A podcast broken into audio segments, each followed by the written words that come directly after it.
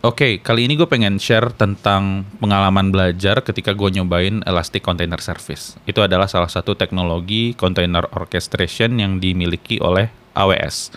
Jadi ECS itu apa sih? Ya, dia adalah sebuah container orchestration yang tugasnya itu adalah nge-manage deployment dari kontainer-kontainer yang udah kita punya. Uh, kalau seandainya teman-teman pernah dengar Cloud Run atau Kubernetes, itu sebenarnya hal yang hampir-hampir mirip. Tapi kalau Kubernetes itu open source, kalau kita mau pakai managed version, kita bisa pakai EKS atau GKE atau AKS punyanya Azure. Tapi kalau ECS ini, ini salah satu produk yang uh, cukup lama dimiliki oleh AWS, bahkan kayaknya sebelum Kubernetes uh, populer juga. Uh, dan itu adalah managed service. Jadi itu udah di manage di AWS dan udah dipakai juga di berbagai tempat untuk ngedeploy container app di production. Uh, dan menariknya adalah ECS ini karena mungkin karena dia ad, udah ada sebelum ada Kubernetes, jadi udah ada beberapa terminologi yang mungkin sedikit berbeda dengan apa yang biasa dipakai di Kubernetes.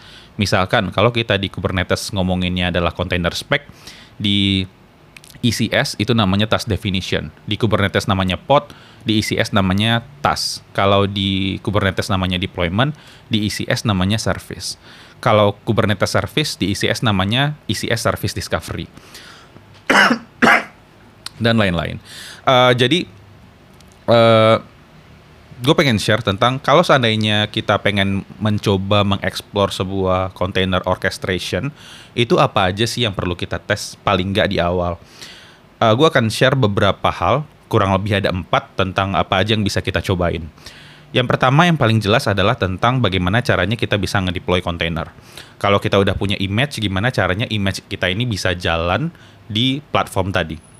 Kalau kita ngomongin ECS, kita perlu buat namanya task yang nanti akan bertindak sebagai uh, compute uh, dari kontainer kita.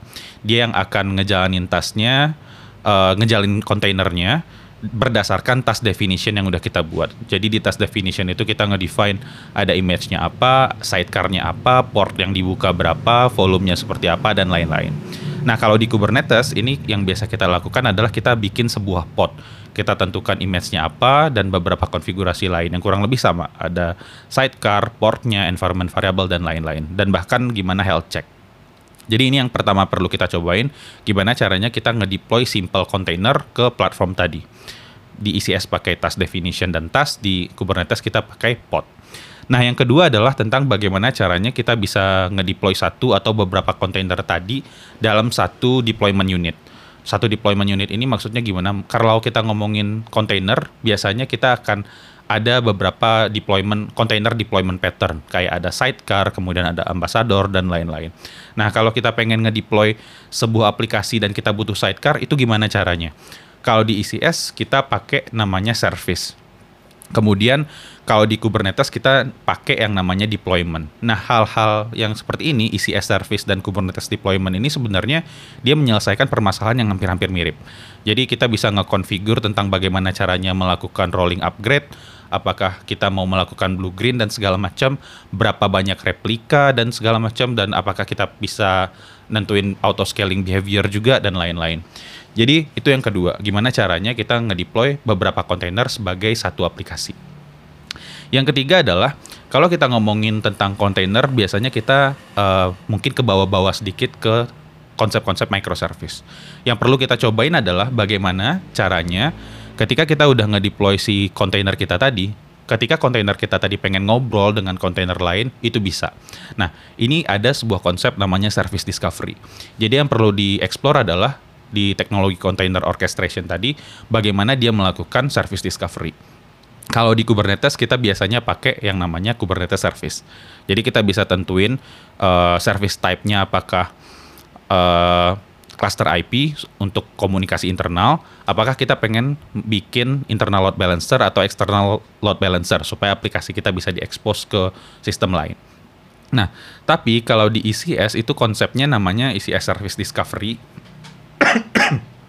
dan uh, ini agak menarik karena ECS Discovery ini kita bisa integrasikan dengan Route 53. Jadi kita bisa bikin sebuah private DNS di Route 53 yang nanti otomatis bisa diupdate oleh ECS kalau seandainya ECS service-nya berubah atau dia bikin baru. Jadi dia akan ngupdate uh, root 53 recordnya dengan IP-IP kontainernya. Nah, kita bisa melakukan hal seperti itu. Jadinya apa? Kalau kita pakai sistem seperti ini, uh, ketika kita punya sebuah kontainer running di dalam EC2, kemudian kita panggil private DNS-nya, itu dia nggak perlu kliennya itu nggak perlu ada di uh, cluster yang sama, bisa jadi ada di luar sistem. Tapi dengan private DNS tadi kita bisa berkomunikasi langsung dengan si kontainer tadi. Jadi uh, ini salah satu hal yang nggak ada di default Kubernetes.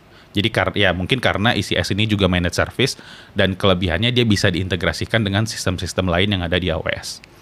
Yang keempat, uh, mungkin ini hal yang terdengar sepele, tapi ketika kita pengen ngedeploy sebuah kontainer, kalau kontainernya itu nggak bisa diakses dari public internet, itu jadinya nggak ada gunanya. Karena mungkin user kita mau nggak mau akan mengakses dari internet. Jadi, jadi kita mesti cari cara tentang bagaimana caranya kita bisa mengekspos service kita ke internet.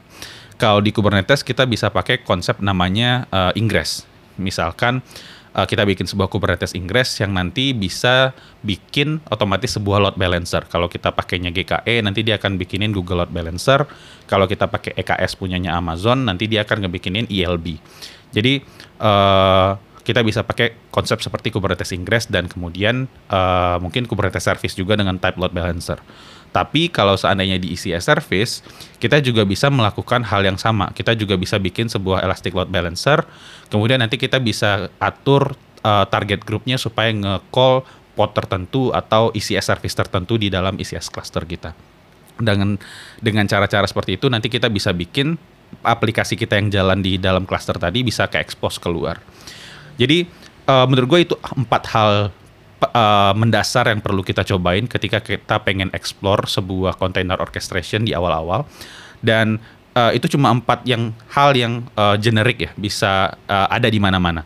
Tapi kalau seandainya kita udah terjun ke ECS, ada hal-hal spesifik juga yang harus kita pelajari.